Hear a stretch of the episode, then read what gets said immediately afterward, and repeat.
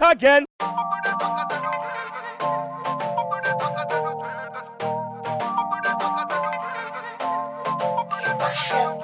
Och så låter det när vi är tillbaks i studion. Det är månadens första avsnitt i årets sista månad och det är den tredje dagen i veckan. Varmt välkomna till ett nytt avsnitt av Avbytarbänken. Vi snackar boll där vi någorlunda har koll. Det är avsnitt 73. Och eh, vet ni vem som associeras till nummer 73 i fotbollen? Eller associeras och associeras, men vet ni vem som har nummer 73 i, i, i, på ryggtavlan? I fotbollen. Ingen aning, du får gärna... Alltså det är ingen stor spelare sådär. Alltså ni vet själva min, min lilla fetisch till tröjnummer och så, den är, den är enorm och jag Mm. älskar det. Manuel Lucatelli. Ah, Ja, det, det är faktiskt sant. det, ja. Jag tänkte på det, men jag, Visst, visste du innan? Alltså, hade du någonstans där bak Ja. att han hade nummer 73 i ryggen? Mm, alltså jag visste ju att det var någon som inte, alltså inte en riktig klassspelare sådär direkt Det- Och för det mesta brukar det vara unga talanger som har Ja, liksom höga siffror Så ja, exakt. det ja, jag tror man kan hitta några fler som har 73 ska jag vara helt Mm, ärlig. han är den enda jag kan komma på. För. Jag förväntade mig att du skulle chockera oss med en stor spelare. Alltså, så- ja, det beror på vem du frågar eh, om Manuel Lucatelli är en stor spelare eller inte. Idag spelar han i Sassuolo utlånad förra säsongen, nu är han såld till Sassuolo helt och hållet från Milan. Eh, men vi ska inte självklart prata om Manuel Locatelli, Lucatelli, så jag tycker vi sparkar igång det här avsnittet direkt.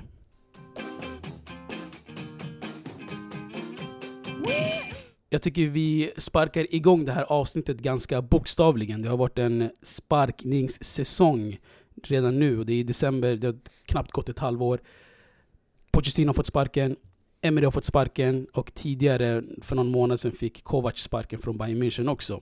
Eh, och ett fjärde namn som jag kommer på också, det är Kiki Sanchez Flores som har fått sparken från eh, Watford. Watford som är inne i sin tredje tränare i säsongen och det är bara december. Helt sjukt. Ehm, sparkningssäsong, vem, vem, vem slår er på näthinnan? Vem, vem, vem har varit den största tränaren som han har sparkat? Som jag har rabblat upp nu. För vi har inte snackat sen Pochettino blev sparkad, vi har inte snackat sen eh, Emery blev sparkad. Ja men det är ju främst Pochettino och Unai Emery man tänker på i och med att de tränar hyfsat stora lag eh, Och eh, ja men det är väl de man fastnar på direkt eh, Helt, alltså med all rätt så ska de få sparken oavsett vad eh, Pochettino har gjort de här senaste fem åren för Tottenham och eh, Unai Emery har ju inte gjort någonting för Arsenal Så det var på tiden att de nu fick sparken Pochettino kanske, ja man kan diskutera lite men i och med att Mourinho dök upp något som jag vet många inte är väldigt glada över att ha honom som tränare, speciellt eh, Spurs-fansen. Men det är ju fortfarande en stor tränare, tränare som har vunnit mest i Premier League, alltså av de som tränar just nu. Så Men, när den liksom öppningen kommer, att man kan ha honom som tränare i Tottenham som faktiskt inte är topp tre klubbarna i, alltså största klubbarna i Italien, eller förlåt, i England, så så eh, tycker jag att eh, det var rätt att man sparkade Pochettino och tog in eh, Mourinho. okej. Ehm, Freddie Ljungberg då? Var det rätt ersättare till Unai Emery? Alltså jag ser inte honom som en eh, långsiktig ersättare. Jag tror det här är bara en tillfällig lösning. Han är ju interim coach. Mm, Eh, och och eh, Licens går väl ut i februari någonting? exakt, UEFA februari match hans FIFA, FIFA tränarlicens. Så om inte man förlänger den så blir de ju tvungna att byta tränare. Men även om de förlänger den så tror jag att eh, jag har svårt att se honom hålla liksom efter den här säsongen. Men det beror ju helt på hur bra jobb han gör i Arsenal. Men jag tycker ändå den största tränaren, det är ändå Unai Emery som har sparkats. Mm. Det är ändå en tränare med väldigt stor erfarenhet. Han har coachat Valencia, Sevilla, PSG. Det är ändå en tränare jag trodde skulle lyckas mycket bättre i Arsenal eh, eftersom jag jämför Arsenal, de påminner mycket om Valencia och Sevilla. I alla fall Valencia förut och Sevilla under Unai Emery, deras eh, också bra perioder när de var där och tävlade. Men här så förstår jag faktiskt inte Arsenal, för eh, självklart så tycker jag att Unai Emery ska få sparken Men att man då tar in eh, Fredrik Ljungberg som eh, tillfällig tränare, nej, men det tror jag inte kommer göra saken bättre Om man verkligen bara tog, in någon som tillfälle tills man hittar en ny tränare, men det tycker jag är fel. Då kan ni bara fortsätta med Unai Emery, för jag tror faktiskt att han kan göra bättre jobb än Fredrik Ljungberg. Speciellt om ni på riktigt, och det, alltså, att det är planen att ni kommer ha honom kvar som liksom bara tillfällig, då är det onödigt att ha bara kvar Unai Emery tills ni har hittat den där. Så du tycker, så du tycker Ljungberg det är ett steget neråt för Arsenal? Om man jämför med eh, Unai Emery? Ja, det, det är en risk som man inte bör eh, liksom, ta om man är Arsenal. För ni är redan i botten. Men tycker det ni, inte, alltså, alltså, tycker ni inte man stirrar sig blind på spelarna de brukade vara kontra vilka tränare de är nu? Att man att Arsenal-fansen tänker bara "Ah, Fredrik Ljungberg, det här var en sjuk spelare. Han kommer vara en sjuk tränare också. Exakt. Att man bara stirrar blind på vilka, vilka de här personerna var i sin spelande karriär. Mm, exakt, och jag håller med dig. Det är det som är problemet, alltså, tror jag. För det har gått överstyr där med att man bara ska ta upp liksom, eh, tränare från eh, liksom, ungdomsakademin eller Mm. ja, assisterande tränare och sånt. Det har gått överstyr. Man ser det lite överallt, och man ser det framförallt i toppklubbar.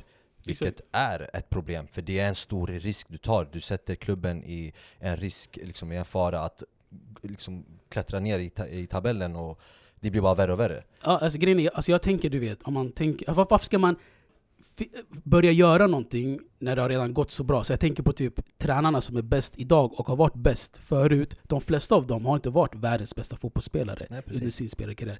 Jag tänker på Klopp, jag tänker på eh, Allegri, jag tänker på eh, Ancelotti. Det här är inte spelare som man, som man kommer ihåg för sina forna, för sin forna tid. Men sen har du ju spelare som, eller tränare idag som Men du kan inte säga att Frank Lampard är en... Zidane. Ja, men jag, nej, alltså jag, jag tycker inte Zidane eller Frank Lampard är Mm. alltså, sådär bra tränare som de Alltså beskrivs Zidane har i vunnit media hela tiden. ligatiteln, han har vunnit allt du Ja, kan har- vinna han- i Spanien. Ja men alltså vi har gått Liga, igenom det cupen, här. League. Exakt, men grejen är, där Antonio också... Conte var en jättebra spelare. Ja, men jag sa de flesta. Såklart finns det några spelare, några eh, tränare som har varit bra spelare också i sin Alltså det, karriär. du, det du inte får glömma bort, det är att Fredrik Ljungberg har, som Guardiola, innan han blev assisterande tränare till Unai Emery, coachade ungdomslaget i Arsenal, så han känner igen akademin ganska bra, de unga spelarna. Och sen har han ju också varit nu den här säsongen assisterande till Unai Emery. Så det är inte helt chockerande att de väljer en sån här tillfällig lösning, för de tänker kanske istället för att ha en tränare som vill ha en till liksom, budget att spendera i januari eller nästa sommar så kan vi ha en tillfällig tränare som kanske får fram flera unga spelare och utnyttja vår akademi. Jo absolut, jag och sen kanske tanken. bygger en bättre grund till nästa tränare som kommer. Jag förstår tanken helt och hållet. Eh, Men som sagt, det, det, alltså jag ska inte bedöma Fredrik Ljungberg efter en match. Vi får se, han möter imorgon Brighton, eh, Graham Potters Brighton, så vi får se där. Men alltså jag tycker allmänt, eh, det, alltså, tränare nu anlitas bara på sina gamla meriter tänker jag bara hela tiden. Eh, och så. Men, Ja, men eh, alltså, allmänt så är det dumt, i alla fall enligt mig, att man tar in någon som tillfällig tränare tills man hittat någon ny. Det enda gången du ska göra det, det är bara när, när det råder kaos mellan tränare och eh, klubben. Man har liksom stött på en beef mellan klubben, du måste lämna, man lämnar akut, ja men då, okej, då tar vi in någon tillfällig. Men i det här fallet så var det faktiskt inte så. De sparkade undan eh, Emery och har valt att ha Freddy Ljung, eh, Ljungberg som tillfällig tills man hittar en ny. Ska- och det är enligt Men alltså fel. om vi ska vara ärliga, det är likadant som när du tar in erfarna tränare. Alltså nu United när de tog in Mourinho, det var inte ett säkert kort. Alla visste i förhand att det var en risk på grund av hans senaste tid under karriären. Även om han har en väldigt bra alltså, och stor CV där han har vunnit väldigt mycket. Unai Emery också alltså, väldigt mycket erfarenhet. Man tog in honom, men det var fortfarande en risk. Alltså, det är alltid en risk med tränare. För att mm, det är en ny filosofi, det är nya spelidéer. Vi ska se, ska se vad en underskattad grej är som många inte gör. Att ta in eh, sin assisterande som har varit i laget mycket. Men det var ju typ Fredrik Ljungberg. Ja jag vet, men jag menar som har varit i, i laget länge. Jag tänker i Arsenals position nu, Steve Bold, som har varit där sedan 2001. Han har alltid suttit bredvid Arsenal Wenger i alla matcher. Varför inte han chansen? Jag tänkte på när till exempel när Tito Villanova tog över, kolla hur bra det gick. Eh, jag kan rabbla ännu mer. Var inte Di Matteo också en, eh, Jo. en eh, ass- assisterande tränare innan? Mm. Förstår du vad jag menar? Så de assisterande tränarna besitter ju någonting som de har sett rätt och, och sitter bredvid huvudtränaren hela tiden. Varför tog de inte in Mikael Arteta till exempel som har varit assisterande tränare till Pep Guardiola i tre år? Jag tror inte han vill lämna tjänsten under säsongen. Ja, jag tycker det är smart av Arteta också att han känner sig, han kanske själv inte känner sig helt färdigutvecklad och kanske vill göra ett mellansteg innan han hoppar på ett storlag i England också. Alltså det finns ju stor chans att Arteta stannar kvar och tar över efter Guardiola. Om Guardiola lämnar City. Mm. För nej, att men- nu har han redan varit coach i den klubben och känner igen alla spelare. Nej men med det sagt så behöver det ju faktiskt inte betyda att man bara, alltså de, han har ju bara fått den titeln att han är tillfällig, men Arsenal kanske på riktigt satsar på honom och hoppas på att det kan bli en Solskär. Eh, med, och när jag säger Solskär så menar jag ja, hans första matcher i United, inte det. Ja, du fick det att låta som nu. att Solskär har blivit ett Det lyckat det jag ville, beslut. ja, därför sa jag det nu, att eh, de hoppas på att han kan bli det, eh, det han gjorde för United de här första matcherna som han Du menar tillfälligt United till. Ja, men sen fick jag kontraktet och eh, vi alla vet hur det går nu för United. Vi, vi får se. Men eh, jag tänker eh, Mourinho som vi alla har erfarenhet, erfarenhet av. Han har tränat United mittlag, han har tränat Inter, Abbas lag och han har tränat Chelsea i två omgångar i Mustafas lag. Alltså, vi alla har ju en olika, alltså en annan different erfarenhet av Mourinho. Jag kanske har en sämre variant av vad vi har. Mohamed, du kanske har den bästa minnen av honom när han var trippen mer. Alltså, vad känner ni, vilka känslor har ni för Mourinho idag? Mourinho tränar för Tottenham. Alltså Mourinho som tränare, bortsett från alla hans titlar, bortsett från att allt som han har vunnit, allting Bara själva personligheten är bara för mig jättestor Alltså jag blir bara jätteglad att se honom tillbaka nu som tränare För vi- han har ju, han har ju redan börjat, han börjar redan cracking, liksom, eh, cracka jokes och börja gå eh, liksom, kritik mot eh, Mm. Paul Scholes, Mm. om ni har hört det, Mm. och så vidare och så vidare Mm. Han, han, alltså han, han ger liv i Premier League Mm.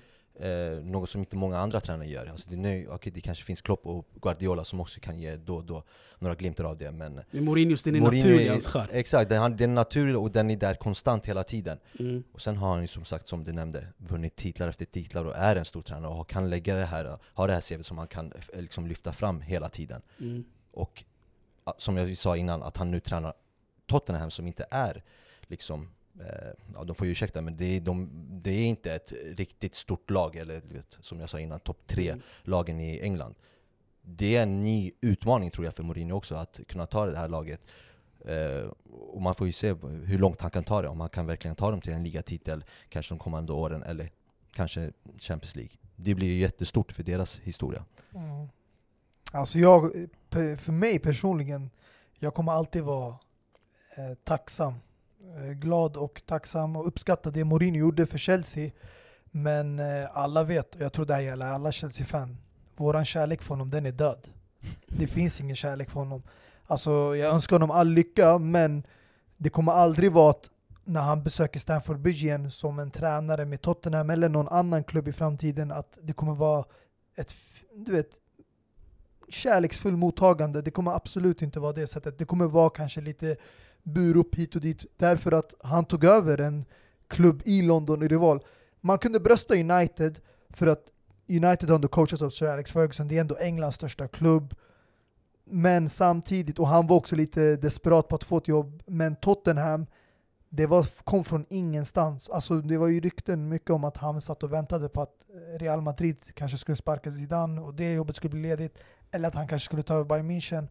Så det här kom Mm. ju som en chock för alla oss. Och han sa ju tidigare, för cirka fyra år sedan, 2015, att han skulle aldrig kunna tänka sig coacha Tottenham. Mm. det här bara- visar bara ju för mig- på- Vilken person, typ av person han är, att han går emot sina egna ord. Vi kan väl höra på vad, vad han svarade också, när han sa så. Four years ago, when you were at Chelsea, you were asked if you would ever come to Spurs, and you said, Never. I love the Chelsea fans too much. What's changed? Yeah, before I was sacked.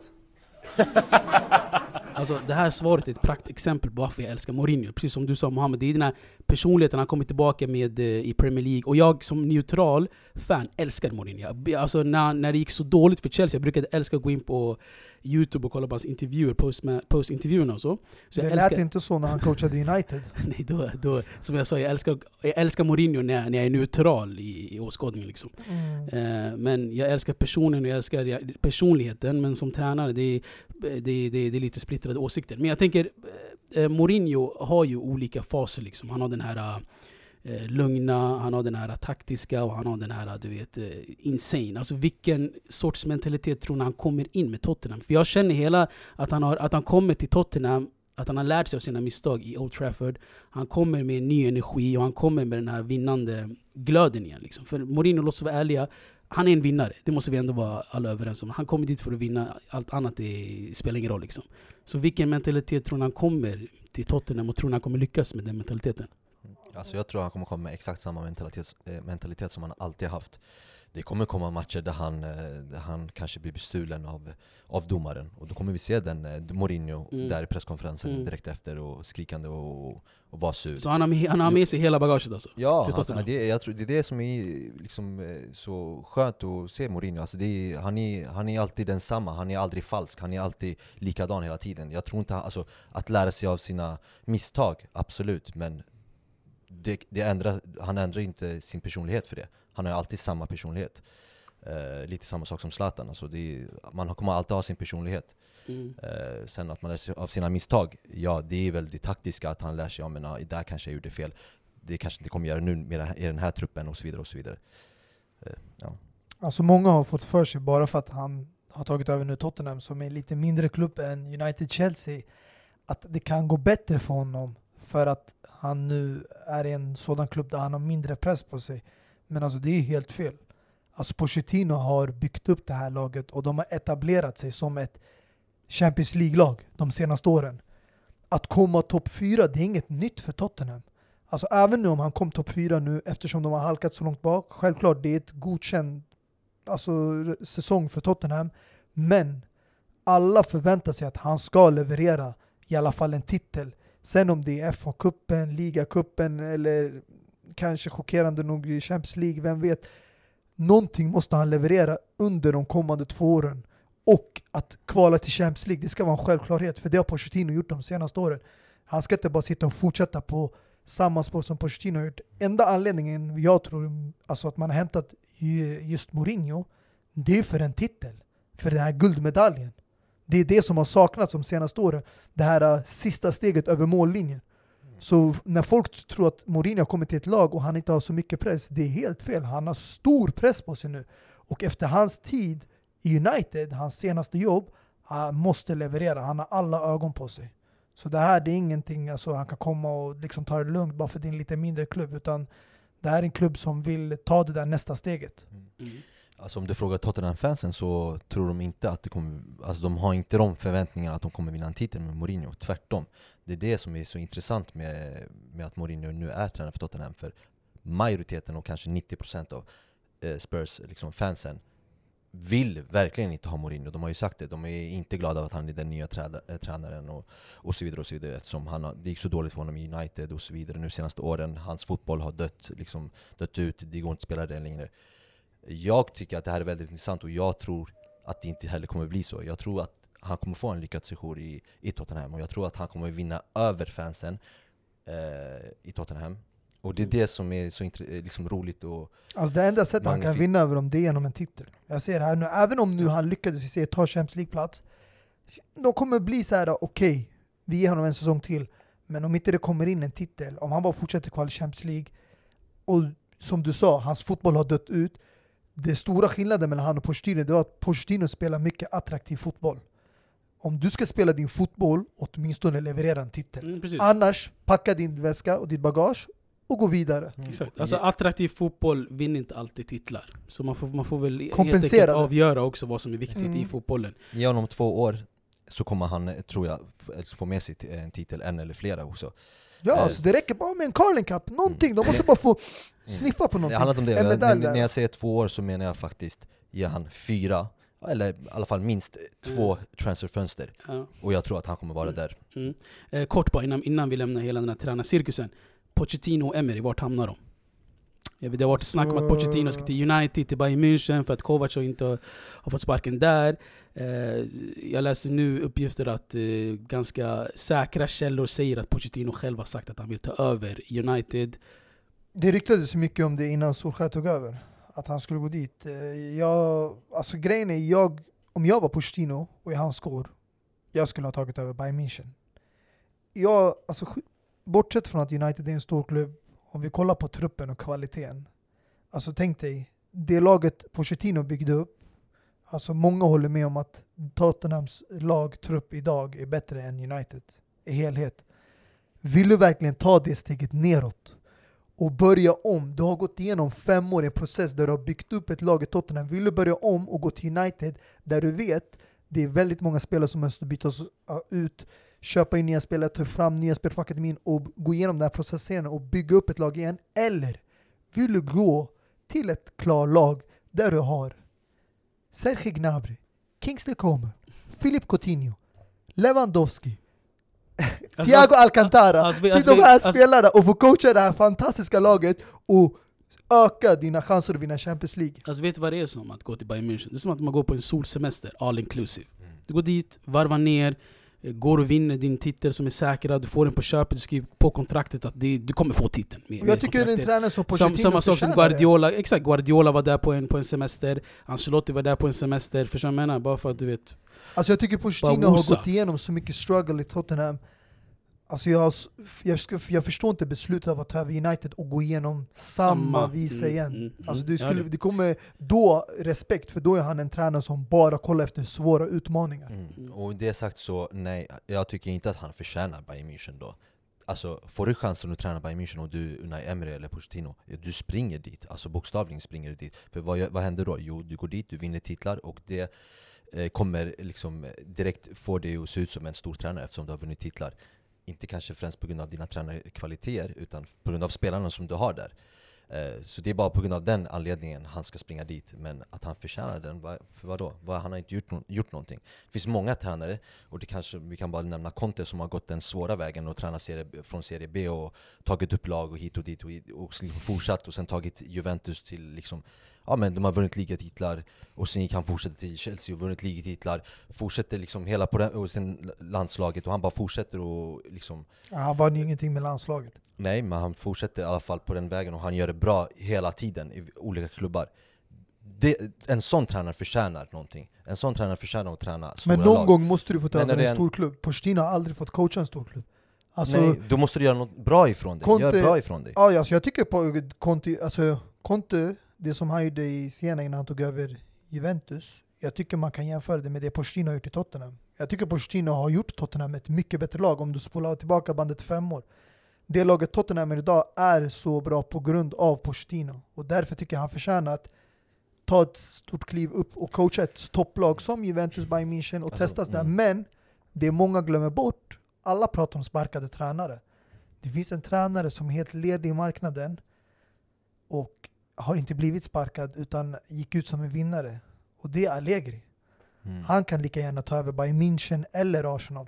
Allegri, exakt, Allegri där också. Du har eh, Sarri, samma sak där med Empoli som går vidare sen till Napoli gör det bra där, sen går han till Chelsea och vinner en titel där, sen går han nu till Juventus. Vet, man går upp stegvis hela tiden och efter, ef- efter vad du har gjort i de tidigare klubbarna.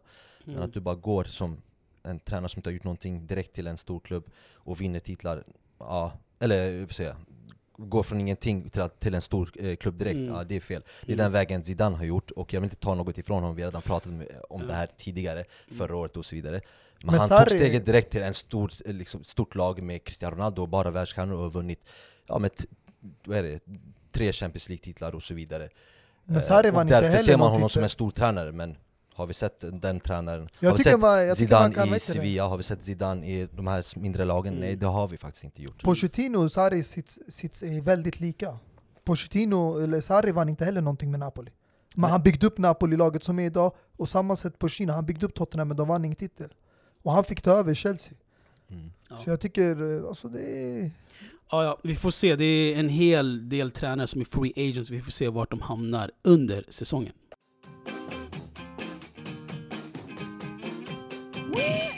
I måndags delades ut quote on quote priset för världens bästa fotbollsspelare Ballon d'Or. Messi vann den och har nu vunnit sjätte gången, vilket är flest genom tiderna. Eh, innan ni släpper in era känslor vill jag bara nämna topp 10 åtminstone så vi sätter ett perspektiv på hur Ballon d'Or 2019 har sett ut. Etta Messi, två van Dijk, trea Cristiano Ronaldo, fyra Mané, femma Mohamed Salah, sexa Kylian Mbappé, sju Alisson, åtta Robert Lewandowski, nia Bernardo Silva och tia Riyad Mahrez. Innan vi... Alltså, Mustafa, redan- di- ditt garv kan tolkas på, på många olika sätt men vad, vad känner ni kring den här topp top 10? Är det någon ni eh, känner ni inte ska vara där eller ni inte fattar Alltså på er nu- varför folk är där? Eller? Nu i efterhand, alltså de här sista namnen du nämnde, till exempel Lewandowski, jag skulle absolut ge honom en plats i topp 10. Men eh, om man kollar på förra året, och inte det här året, den här säsongen, då skulle inte jag sätta alltså, Riyad Mahrez eller Lewandowski i topp 10. Alltså inget illa menat, men det finns bättre spelare som har haft en mycket också bättre säsong. Och då vet jag tyvärr, nu räknar man in ju titlar, men alltså för mig, jag skulle ta Hazard före Bernardo Silva och Riyad Mahrez alla dagar i veckan. Så jag vet inte hur inte han hamnar topp 10. Sen eh, finns det en hel del andra spelare, men som sagt, jag kommer aldrig förstå mig på de här rösterna och hur de här väljer liksom sina spelare. Tyvärr är det ju journalister och sånt för det mesta, som, bland annat som röstar, så det är många Mm. som har slutat ta det här priset seriöst. Men jag, alltså Messi skulle jag säga förtjänar inte att vinna. Vem Och- ska vinna? Alltså jag, om, jag har ju märkt nu, ibland tror man att det baseras på titlar. Men ibland har vi motbevisats. Som till exempel 2010 när man, folk trodde att Schneider skulle vinna. Eller 2013 när folk trodde att Frank Ribéry skulle vinna. Men sen har vi märkt att Messi och Ronaldo har fått priserna. Men om du jämför de här topp tre, bara Van Dijk, Cristiano och Messi. Messi och Ronaldo vann både ligatiteln och supercupen. Van Dijk vann Champions League och Uefa Supercupen. Men vad vann Cristiano som inte Van Dijk och Messi vann? Han vann en titel med landslaget. Messi åkte ut i semifinal mot Brasilien, fick rött kort i bronsfinalen mot Chile där han eh, ja, började bråka och gick mot domaren och allt. Van Dijk, som representerar Holland, förlorade mot självaste Ronaldo och hans Portugal i finalen i Uefa Nations League. Så jag tycker Ronaldo, kollar man över det här året, vem som vunnit titlar och presterat både i klubblag och landslag, och du kan inte sitta och säga till mig att Ronaldo spelar i bättre landslag än Van Dijk och Messi, för de har minst lika bra spelare i deras landslag, så tycker jag att Ronaldo har levererat bäst. Sen kan folk lägga fokuset på den här säsongen, att det inte har gått så bra nu, det här början av året. Men jag lägger störst fokus på förra året. Och jag tar också hänsyn till att Ronaldo bytte lag. Det är svårt att göra den omväxlingen, att komma till ett nytt land, en ny liga, där han vann också Serie A's MVP, bästa spelare, och vann ligatitel med Juventus, gjorde historia, den första spelaren att vinna Serie A, La Liga och Premier League. Så det är den här utmaningen också. Hade han stannat kvar i Real Madrid, vi alla vet, det är mycket enklare. Du är ett lag där du redan spelat flera Alltså år. jag, alltså jag tycker för det första, den här Ballon d'Or har tappat värde, och jag tycker den är överskattad att Det ens... håller jag med dig. Alltså jag tycker det är överskattat att belöna världens bästa fotbollsspelare och lägga så mycket fokus på det när det är en sport av... Alltså när, när, det, när det är en lagsport helt enkelt. Mm. Fine om det här är tennis, bowling, dart eller golf, när, det är, när sporten baseras på enskild spelare liksom. Men det här är fotboll. Jag tycker varför, varför, varför har man ingen stor ceremoni till världens bästa lag? Varför kan inte Ajax vinna för 2019s bästa lag till exempel? För det är fotboll. Varför lägger man inte fokus på det som ska läggas fokus i? För det finns redan en titel för världens bästa klubb. Okej, men Som varför, spelas- varför, varför är den inte lika stor som eh, Ballon d'Ors eh, ceremoni då? Vad heter ens den titeln? Alltså klubb-VM. Ja, men jag menar alltså, alltså jag menar den som du vet man kan utse till det, mest, alltså det bästa laget helt enkelt, utan att behöva bedöma efter hur många titlar de har vunnit. Men helt enkelt, det är laget som har spelat mest attraktivt. Det, det är laget som de flesta fansen vill rösta på. Det är laget som liksom har varit en fröjd för ögonen. Det behöver inte vara liksom bara det laget som har vunnit Champions League och trippen och titeln. Bah, bah, bah. Alltså jag menar, jag skulle, jag skulle jättegärna ge priset till Ajax till exempel. 2019s bästa lag. Så mera sådana priser till fotbollen helt enkelt. Jag, jag tycker Ballon d'Or är jätteöverskattat. Det, det, det är ett gäng journalister som, som utser priserna och så fine. Det är klart, jag tycker Messi är världens bästa fotbollsspelare genom tiderna. Absolut, det står jag fast vid. Men Ballon d'Or i mig, för mig har tappat syfte helt och hållet. Du har ju det, det är som säger att bara att journalister liksom utser det här, det, det är bara det tycker jag är fel. Och sen, men det är ju framförallt för att de alltid kommer med nya regler varje år. Men det här året kan det vara eh, liksom, ja, men det är vem som har vunnit mest titlar. Att sen andra året så är det, ja, men det är bara den som är bäst, vem som har presterat bäst bara. Och sen så gör de, ibland går de ihop med Fifa som i 2010, ja men det är vad du gör i VM och vad du gör i, lands, i, liksom, i klubblaget. Eh, men Som de Bara- gjorde 2010. 10. när 18 Schneider- också med Modric. Mm. Vet du vad, 2010, alltså, och sen när du ändå liksom går, går för de här reglerna och du utgår efter eh, det här då, så, så går det ändå inte vägen. Och det är till exempel det här fallet med Schneider. Mm. Du går upp med Fifa, ja, men du måste göra det bra i VM och i klubblag, liksom, ja, klubblaget. Och eh, Schneider vinner trippen. Exakt. När, Och- när väl en spelare gör det utanför Messi, Nej, så men alltså, det är bara det, han vinner trippen och okej, ni går upp med liksom eh, Fifa och eh, han spelar VM och tar sitt Holland till final och är den bästa spelaren i Holland, fem och vinner skytteligan liksom. Eh, Del, delad plats. Delat med skytteliga som mittfältare och bland tar ta Holland till VM, eller VM-final. Eh, men ändå så är det Messi som vinner den. Mm. Förstår du? Alltså det, Mm. de går emot det, de, eh, liksom, eh, det man ska utgå ifrån. Mm.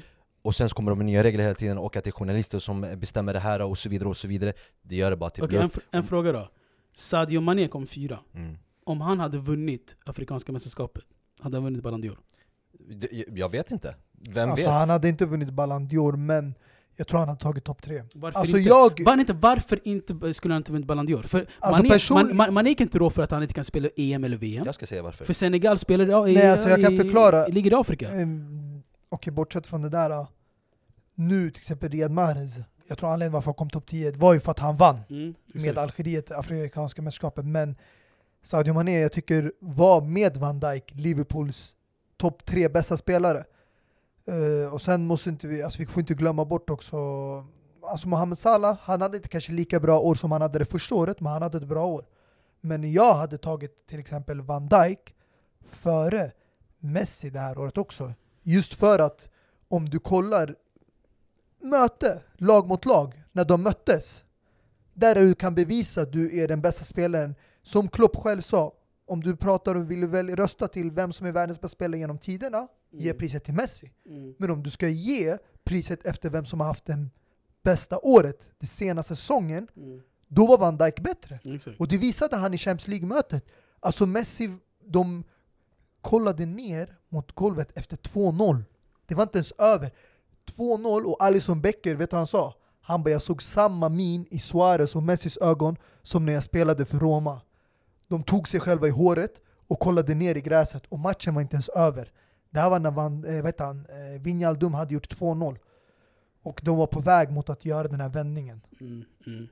Nej men det, är- alltså, jag, jag håller med dig, han, alltså, jag vet inte om Mané skulle vinna om han, om han vann Afrikanska mästerskapet. Nej, alltså, Det- Hade han vunnit trippen så tror jag inte heller han skulle vinna. Exakt. Alltså för det jag menar, vi vet ju inte vad det här. Vad utgår de efter? Vad är det som händer? Vem är det som gör det? Alltså, det och så Det är vidare det. och så vidare. Det är bara, Ja. det är bluff, det enda som är nice med Ballon Nej, d'Or alltså vet du vad det handlar om? det, vilket, alltså det är det enda som är nice med det, det är det Chiellini här priset som är så grej. maffigt Vad sa vad, sa du att det var det enda som är Det enda med... som är nice med Ballon d'Or, Ja. alltså det är för den som vinner den den som vinner Ballon d'Or, det är bara själva priset som är så jävla maffigt och så jävla snygg Det är själva den här kulan med fotbollen som är guldig, den är den som är så jävla snygg Men det är bara det Men Alltså- alltså jag, jag tror jag vet vad det ligger bakom. Det är makt. Det är mycket politik. Alla vet Spanien, Såklart. och speciellt Real Madrid och Barcelona, de här toppklubbarna.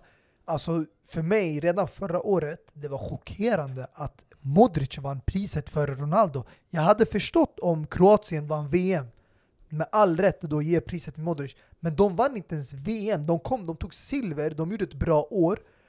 Och i klubblagsnivå, Ronaldo vann exakt samma titlar som Modric vann. Han vann klubb-VM året innan eh, när de coachades alltså, av Zidane. Han vann Champions League för tredje året i rad och vi såg vad han gjorde i Champions League. Vad- Hans vad- vad- fantastiska mål, bissan och allting. Och han bärde ännu en gång Real Madrid och gjorde 15 mål och vann skytteligan i Champions League. Chiellini sa det själv. Alla hade Real, eh, Ronaldo stannat kvar i Real Madrid, han hade vunnit Ballon d'Or. Men, men, till men, Juventus, men, men var, det inte då, var det inte då Cristiano sa att eh, ah, nu vet jag genom alla de här, eller vänta, var det som... Det var någon som sa liksom, ah, Chiellini sa Nej själv nej, var inte Cristiano var som sa det? Nu vet jag, eller vänta, det var någon som sa liksom Nu vet jag att genom alla de här åren var inte Cristiano mot Messi, det var Florentino Perez mot Messi För när Cristiano lämnade så vann Modric i Real Madrid, så det var Ja, alltså, jag Priset tror handlade om ärligt, Florentino Perez jag mot tror, Messi liksom alltså, det här är bara teori, men jag tror Real Madrid ligger bakom många av de här journalisterna. Alltså. Det, här, det är kontrollerade, det, är, det finns mutningar Ja. till rösterna. Alltså, det är 100%. synd, men Såklart, alltså, det är ingen nyhet alltså Modric han var, gjorde ett fantastiskt år, men Ballon d'Or, nej. Han förtjänar inte det. Jag tycker till och med att, att han inte Knappt topp alltså- tre. Alltså jag tycker inte han ska vinna VMs bästa spelare, jag tycker Kylian Mbappé ska vinna VMs bästa spelare. Ah. Men, men han fick liksom, okej inte jag jag med vet, okej du kanske vill att Hazard ska vinna och Ja, och så han vidare. tog ju andra platsen. Hazard som faktiskt kom 13 plats på den här listan av topp tre. Men en, en kort grej bara, eh, Riyad Mahrez kom topp 10 och jag tycker det är lite värt att nämna. En Eh. bänkspelare. I klubblag.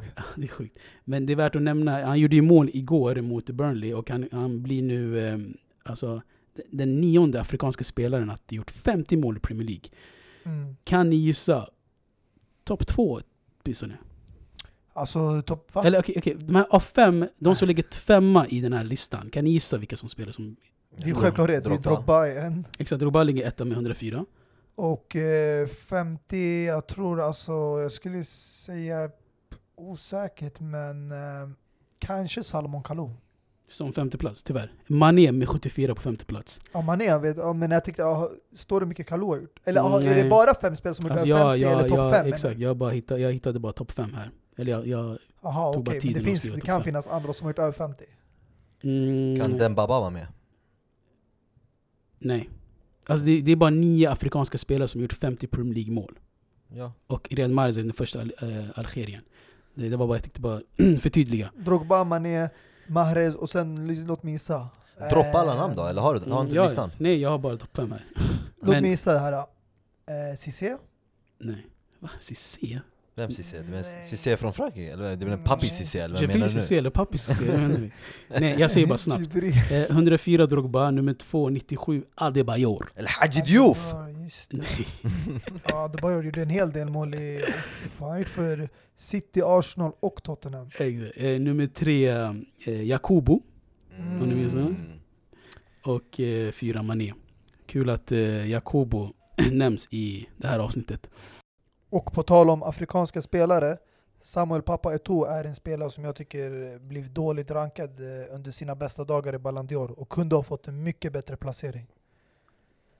Ja, ja det är möjligt. Eh, nej, men bara för att gå lite tillbaka till det här med Ballon d'Or alltså, bara för att krydda på lite extra, eller strö över lite fler bajskluttar i den där eh, Ballon d'Or-grejen så, så tycker jag att den är... Alltså, om, man vet ju redan nu vem det är som kommer liksom, Man visste ju typ två, två dagar eh, innan, eller typ veckan innan, vem som skulle vinna Ballon d'Or.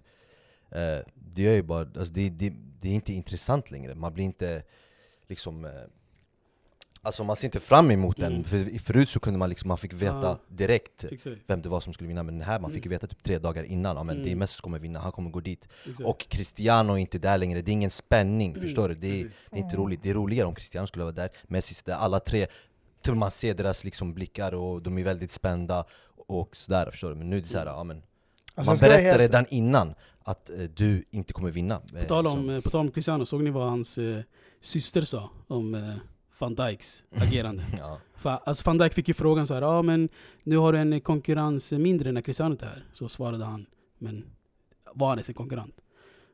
och då sa hon typ så här, ja men nu får du chilla Virgil, du, du, du, du är inte så en stor spelare och du, han, han slog Holland med sina lagkamrater mot er i finalen, lalala. Så det är inte första gången heller hon skriver åt Cristianos vägnar. Och hon påpekade att Cristiano har vunnit tre titlar i det landet du har befunnit dig i flera år och du har fortfarande inte vunnit en enda titel där. Exakt. Shoutout till eh, Katja Aveiro, som hon heter. Shoutout Ja. Eh, Men en sista grej också om eh, Ballon d'Or innan vi, vi, vi stänger ner det helt. Eh, hörde, du vet Luis Suarez, inte Luis Suarez Suarez eh, som spelar i Barca nu, men en, annan Uruguayan med samma namn, Luis Suarez. mm, Eh, Legenden Legenden både i Barca och Inter sa liksom, alltså han bara, jag förstår inte på mig hela den här ceremonin. Alltså när jag vann den 1960, jag fick den eh, innan en så vanlig ligamatch. Jag tog hem den, sen, sen, sen var det inte mer än så. Och det är exakt det jag sa innan också. Det, det ska inte vara mer än så. För det här det är en lagsport. Det är ingen e- enskild spelare-sport där, där, där allt baseras på vem du är som spelare. Så eh, Mm. jag tyckte Luis Suarez från 1960 summerade det bra. Okej, det kanske ska vara, ska, ska vara så banalt, men eh, men man ska det är ta ner det några steg i alla fall. Nej, men jag tycker det är jättefint, jag kommer ihåg när Ronaldo tog den eh, liksom i Inter då, 1998 eh, Det var samma sak där, han gick bara ut, eh, det var en match mot Juventus tror jag det var Och han gick ut och eh, tog emot den på, alltså, liksom på plats precis innan matchstart Och han fick liksom, ja men, eh, vis, visa upp den framför fansen och sen var det bara Mm. inget mer med det Så, Mm. så blev det liksom matchstart och liksom, det, det är så det ska vara, det är inte som förra året också. Nu så var det ju, alla var ju där så, men för, kommer du ihåg den eh, när Cristiano Ronaldo vann? Var det två år sedan? Mm. Det var en film, Han, ingen var ju där då. Såg ni inte den? Jag kommer inte ihåg. sen Det var ju en film. Det mitt starka minne av Cristiano, Film, det var när film han... i eh, ceremonin. Vänta, det kanske var förra året och jag tror inte det var Ballon d'Or, det var kanske när han vann världens bästa spelare, nu kommer jag inte ihåg faktiskt. Mm. Men hur som helst, det visar bara att de gör det större än vad det ska vara egentligen. I don't know. Ah, ja, skitsamma. Eh, jag tycker vi stänger ner det här avsnittet. Eh, as we speak, om någon timme så gör eh, Mourinho återkomst till Old Trafford. Tottenham möter United. Andra matchen som spelas är Merseyside-derbyt också, Liverpool-Everton. Hur tror ni snabbt eh, matchen kommer sluta i Mourinhos återkomst? Eh, Mourinho-vinst, självklart, speciellt mot sin gamla klubb som han verkligen vill visa ja, men visa vad han, han vill visa vad han går för och vis, visa varför att, liksom, att de, har, de har gjort fel i, i och med att de sparkade honom.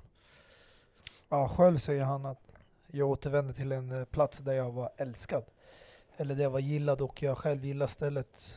För att eh, det var ju många som eh, skickade meddelande, sms till honom när han tog över Tottenham-jobbet och gratulerade honom till eh, den Mm. tjänsten. Mm. Många var positiva. Så det verkar ju som att han ser fram emot det men eh, jag tror det här är ju dags för Solskär att sätta käpparna i hjulet va?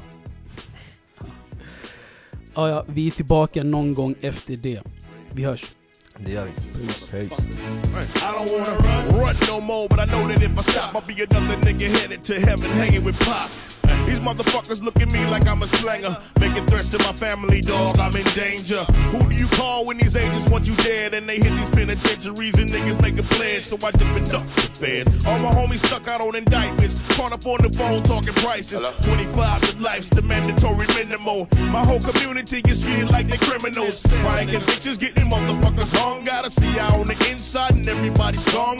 Mothers and fathers separated from their sons. Households are broken, you couldn't hold your tongue. If it's yours, say it's yours. Take the case, do your time. You was out here getting money from it, everything was fine. Now you're crying in your jail cell, stressing on the case. And the DEA is at a nigga every other day. I can see it in your face, in the middle of your soul. You in question of your manhood, homie. Keep it cold. We don't talk to police, we don't make a peace bond. We don't trust in the judicial system, we shoot guns. We rely on the streets, we do battle in the hood. I was born in the G code, embedded in my blood. We don't talk to police, we don't make a peace bond. We ain't trusting in the judicial system, we shoot guns. We rely on the streets, we do battle in the hood. I was born in the G code, embedded in my blood. See, I be on some street shit, don't talk to police. I won't accept a visit from agents who wanna see if I got shit to say about a nigga case. I'm a motherfucking nigga through and through, I ain't gay. No, a nigga caught a case and he took his 25, set it out on appeal and gave him back that time. A soldier in his mind and his actions said the same. Told a cracker, tell your mammy suck his dick and see with James. Ain't no motherfucking game, we been living this for real. When the government is working, real niggas never squeal. Right here, the truth revealed. Drawing you a mouse, yeah, you rapping, but the homie Lil Pots can't get out. Niggas, they hit the pen, they get charged, they get out. On a rule 35, he informing for the cops. You can hear it in his voice, I listen to the tapes. Now you showing up in court, testifying for the state. We don't talk to police, we don't make a peace bond. We don't trust in the judicial system, we shoot guns. We rely on the streets, we do battle in the hood. I was born in the G code, embedded in my blood.